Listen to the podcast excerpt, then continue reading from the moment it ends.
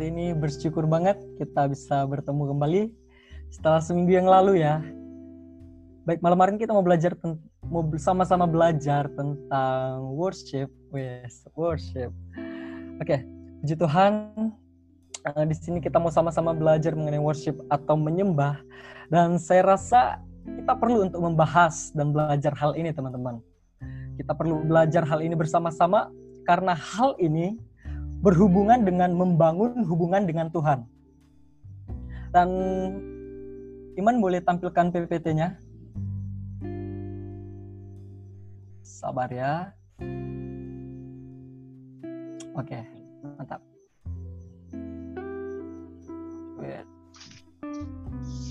Oke. Baik. Saya akan memulai dengan sebuah pertanyaan saat kita menyembah Tuhan, apa yang kita pikirkan? Ya, apa yang sedang kita pikirkan ketika kita sedang menyembah Tuhan? Kebaikan Tuhankah atau masalah-masalah kita?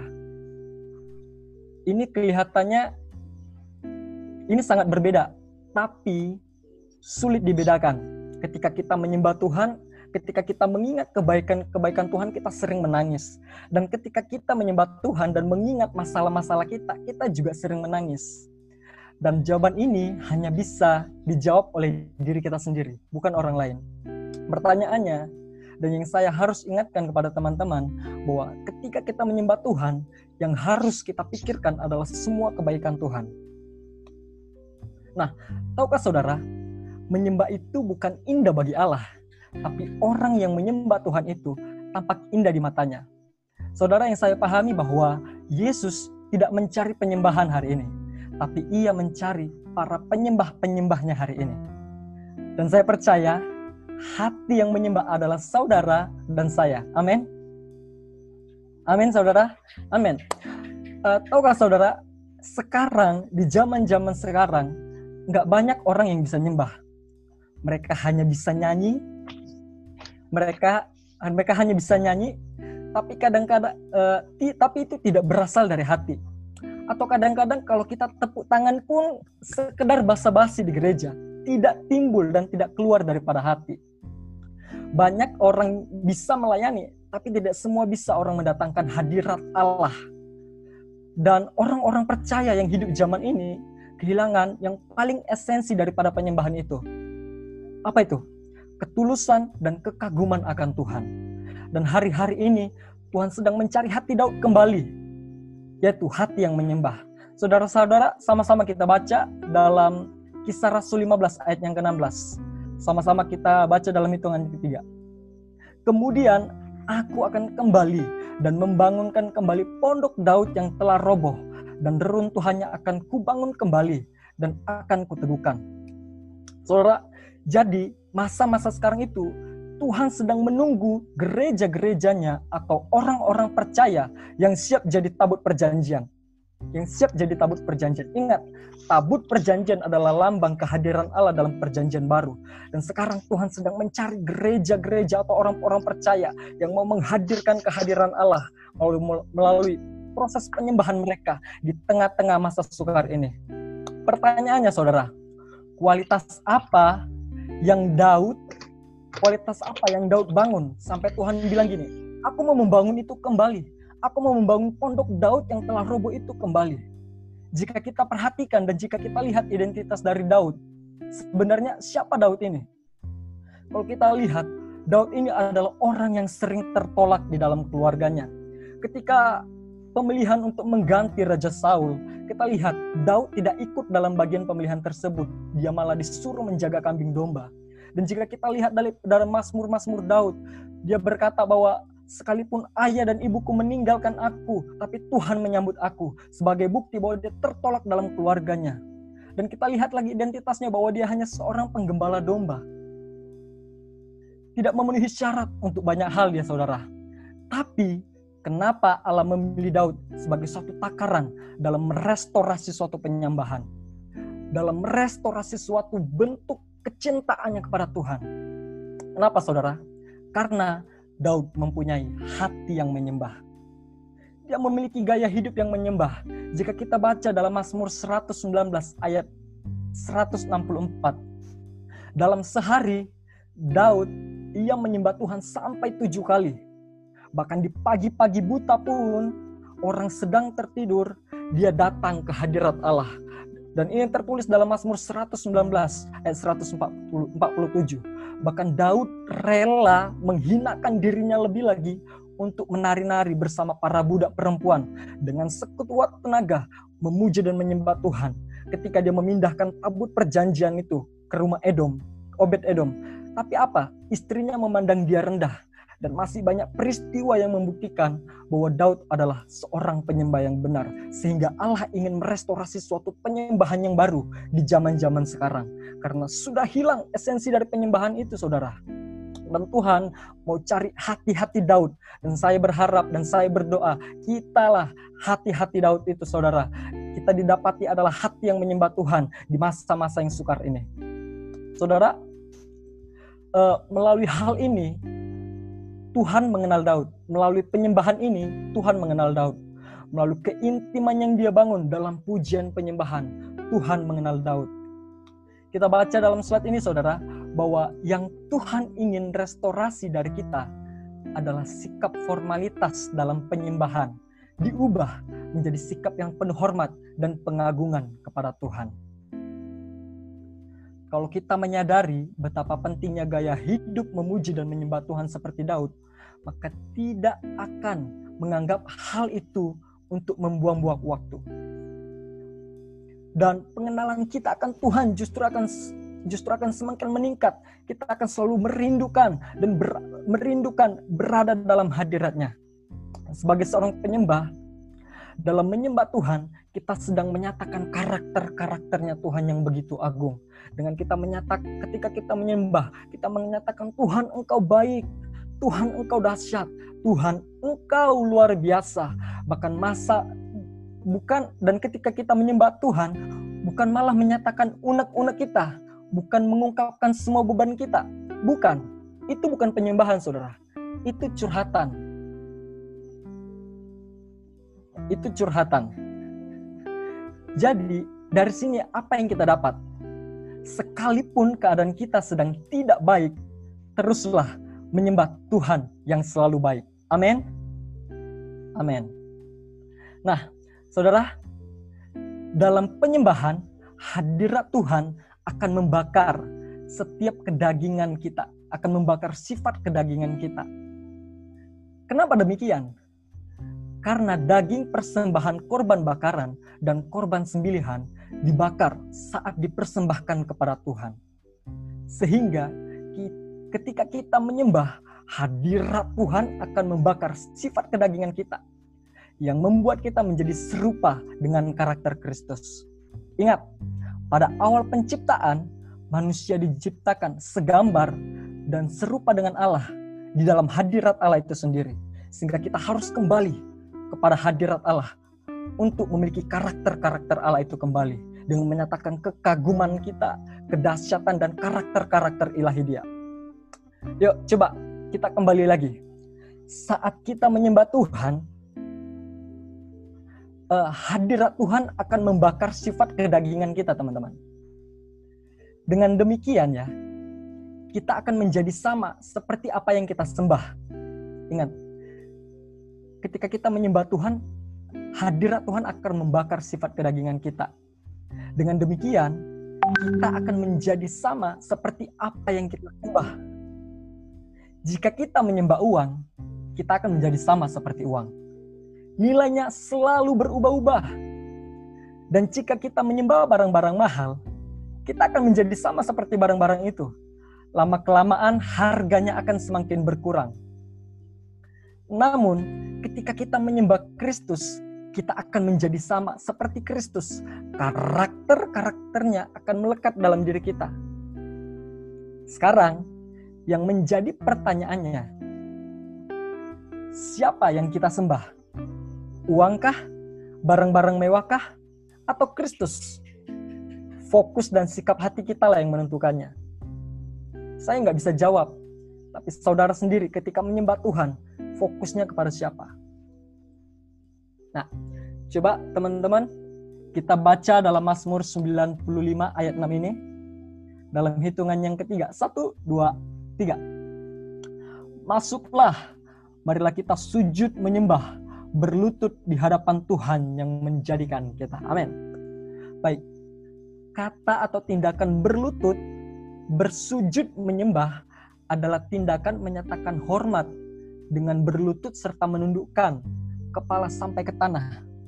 Dan kata Ibrani-nya ini berasal dari kata sakah atau barak. Bagi teman-teman yang udah belajar Ibrani tentu tahu barak. Dan barak ini diambil dari kata baruh. Dalam satu konsep eh, dalam konteks tertentu baruk baruk bisa menjadi bisa diartikan sebagai berlutut atau sujud menyembah. Nah, uh, seperti yang terdapat dalam Mazmur 95 ayat 6 ini ini adalah posisi ilahi yang semakin jarang terjadi dalam kehidupan para penyembah. Saudara nggak usah malu ketika kita datang sujud menyembah Tuhan. Peduli amat orang berkata apa tentang kita. Saudara, jika kita perhatikan dalam satu Samuel ada seorang hamba Tuhan yang bernama Hana yang melahirkan seorang nabi namanya Samuel dan dianggap sebagai hakim terakhir ketika dia meminta keturunan karena dia mandul, Hana ini karena dia mandul, dia datang ke hadapan Tuhan untuk berdoa. Bersujud menyembah. Tiba-tiba Eli, Eli sebagai imam besar pada saat itu, dia datang. Tapi dia salah sangka terhadap Hana. Dia pikir bahwa Hana sedang mabuk. Sedang mabuk karena dia berdoa tanpa bersuara. Sehingga, tapi Hana tidak memperdulikan hal itu peduli amat orang berkata apa. Asal kita berjumpa dengan Tuhan melalui lututmu. Itu jalan menuju surga. Highway to heaven, teman-teman. Ingat, jangan malu mengekspresikan penyembahan untuk Tuhan. Jangan sampai kita terlalu sering lebih peduli orang lain yang sedang memperhatikan kita daripada peduli dengan Allah yang sedang bekerja dalam kita melalui penyembahan kita kepada Tuhan. Teman-teman saya mau bilang, berlutut di hadapan Tuhan adalah sikap merendahkan hati. Adalah sikap merendahkan hati. Bayangin betapa indahnya Tuhan melihat kita menyembah dia dalam hadiratnya, dalam ruang maha kudusnya. Seperti Daud, hanya jadi hamba. Tapi ini bukan ajang untuk show off teman-teman. Bukan ditujukan kepada orang yang di sekeliling kita juga. Tutup aja mata kita ketika menyembah Tuhan. Kalau kita perlu barak, sujud, parahlah antara engkau dengan Tuhan tanpa menghiraukan orang lain di sekitarmu. Melakukan ini bukan untuk cari perhatian, tapi untuk mencari Tuhan. Kalaupun kita tidak mampu sujud atau berlutut di hadapan Tuhan, sikap hati kita harusnya kita tundukkan di hadapan Tuhan. Karena sikap hati kita dalam menyembah lebih berharga daripada posisi tubuh kita saat menyembah.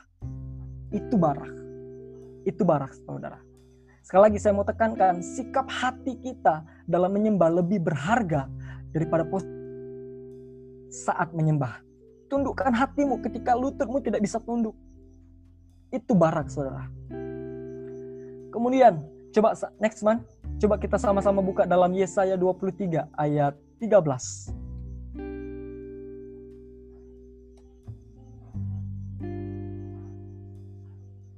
Oke. Kita dibaca bersama-sama dalam hitungan yang ketiga ya. Satu, dua, tiga. Dan Tuhan telah berfirman, oleh karena bangsa ini datang mendekat dengan mulutnya dan memuliakan aku dengan bibirnya, padahal hatinya menjauh daripadaku, dan ibadahnya kepadaku hanyalah perintah manusia yang dilafalkan. Saudara, saya mau bilang, nggak sedikit orang berpikir bahwa untuk menjadi penyembah harus dapat bernyanyi dengan baik, diiringi musik yang indah, dalam suasana yang redup di gereja, ruangan yang sejuk dan tenang. Gak sedikit orang berpikir tentang itu. Dan ternyata ini adalah pola pemikiran yang salah. Ini adalah pola pemikiran yang salah. Kalau kita memperhatikan terus hal-hal yang fisik seperti ini, kita akan kehilangan esensi atau makna dari penyembahan tersebut. Kenapa? Karena penyembahan sejati adalah penyembahan yang berpusat kepada Allah semata, bukan kepada barang-barang fisik, barang-barang yang dapat dilihat mata, tapi berpusat kepada Allah semata. Saudara, pola penyembahan seperti ini yang mau Tuhan restorasi, pola penyembahan seperti ini yang juga sudah merasuki dalam diri orang percaya. Sehingga kemunafikan dalam penyembahan itu merajalela. Apa yang ditampilkan tidak sejalan dengan apa yang dirasa. Sehingga sehingga Nabi Yesaya mengacam orang-orang yang rajin penyembahan tapi tidak berusaha memadukan hatinya dengan Tuhan yang disembahnya. Karena mulutnya tidak sejalan dengan apa kata hatinya. Sehingga Nabi Yesaya mengecam mereka. Karena hatinya tidak melekat kepada Tuhan. Dan hal ini bukti sejak zaman dahulu sampai sekarang penyembahan yang bobrok masih ada. Dari zaman Nabi Yesaya sampai sekarang penyembahan yang bobrok masih ada. Jika kita perlu menyadari sesadar-sadarnya bahwa penyembahan yang sejati, penyembahan yang tulus, penyembahan yang sungguh-sungguh akan membawa kita kepada level yang belum pernah kita alami. Next one. Penyembahan yang sungguh-sungguh akan membawa kita kepada penyembahan kepada level yang belum pernah kita alami. Contohnya dalam Kisah Rasul 16 ayat 25 sampai 26. Sama-sama kita baca. Tetapi Kira-kira tengah malam, Paulus dan Silas berdoa dan menyanyikan puji-pujian kepada Allah. Dan orang-orang hukuman lain mendengarkan mereka. Akan tetapi, terjadilah gempa bumi yang hebat, sehingga sendi-sendi penjara itu goyah. Dan seketika itu juga terbukalah semua pintu dan terlepaslah belenggu mereka semua. Perhatikan, perhatikan kata-kata ini. Doa pujian dan penyembahan termasuk dalam bagian menyembah Tuhan, saudara. Perhatikan ayat ini. Paulus dan Silas dimasukkan ke dalam penjara, tapi tidak membuat mereka menyerah. Mereka tidak menyerah menyembah Tuhan di dalam penjara. Mereka menyembah Tuhan dalam keterpurukan mereka. Saat tidak tahu harus berbuat apa, mereka menyembah Tuhan sampai pada akhirnya Tuhan membebaskan mereka. Ingat, penyembahan yang sungguh-sungguh, penyembahan yang senjati, penyembahan yang tulus akan membawa kita kepada level yang belum pernah kita alami. Dan ini adalah bukti bahwa ketika kita sungguh-sungguh kita akan naik level. Dan sampai akhirnya terjadilah mujizat seperti yang dialami Paulus dan Silas. Mungkin kita nggak ngalamin mujizat secara fisik, secara roh kita sering akan ngalamin. Kalau saudara sering menyembah Tuhan, saudara kan juga peka terhadap sekitar dan suatu, suatu uh, level yang Tuhan berikan kepada kita ketika kita uh, sering menyembah Tuhan. Hmm. Kemudian saudara, ketika kita menyembah Tuhan dengan sungguh-sungguh seperti yang dilakukan Paulus dan Silas, penyembahan yang diluapkan dari hati akan menghadirkan mujizat. Amin. Amin. Saudara saya mau bilang hari ini. Hari ini mungkin keadaanmu sedang tidak baik. Menyembahlah. Mungkin hari ini kau sedang kecewa. Menyembahlah. Mungkin hari ini engkau sedang terpuruk. Menyembahlah. Dalam keadaan apa pun, menyembahlah. Sebagai bukti kamu adalah seorang penyembah. Sebagai bukti kamu adalah seorang penyembah. Intinya, menyembah dirancang untuk menghadirkan kepada kita gambaran kemuliaan dan anugerah juru selamat yang begitu menginspirasi kita. Sehingga kita akan dibiarkan dengan hati tenang dan kemauan untuk menyerahkan segala sesuatu, segala kehidupan kita kepadanya. Dan malam hari ini, saya mau menantang saudara untuk menyembah Tuhan dalam apa pun yang terjadi, berkomitmen dalam keadaan apa pun, tetaplah menyembah Tuhan Jangan mau menyerah kalah sama keadaan, tapi taklukkanlah keadaan dengan penyembahan. Amin. Tuhan Yesus memberkati.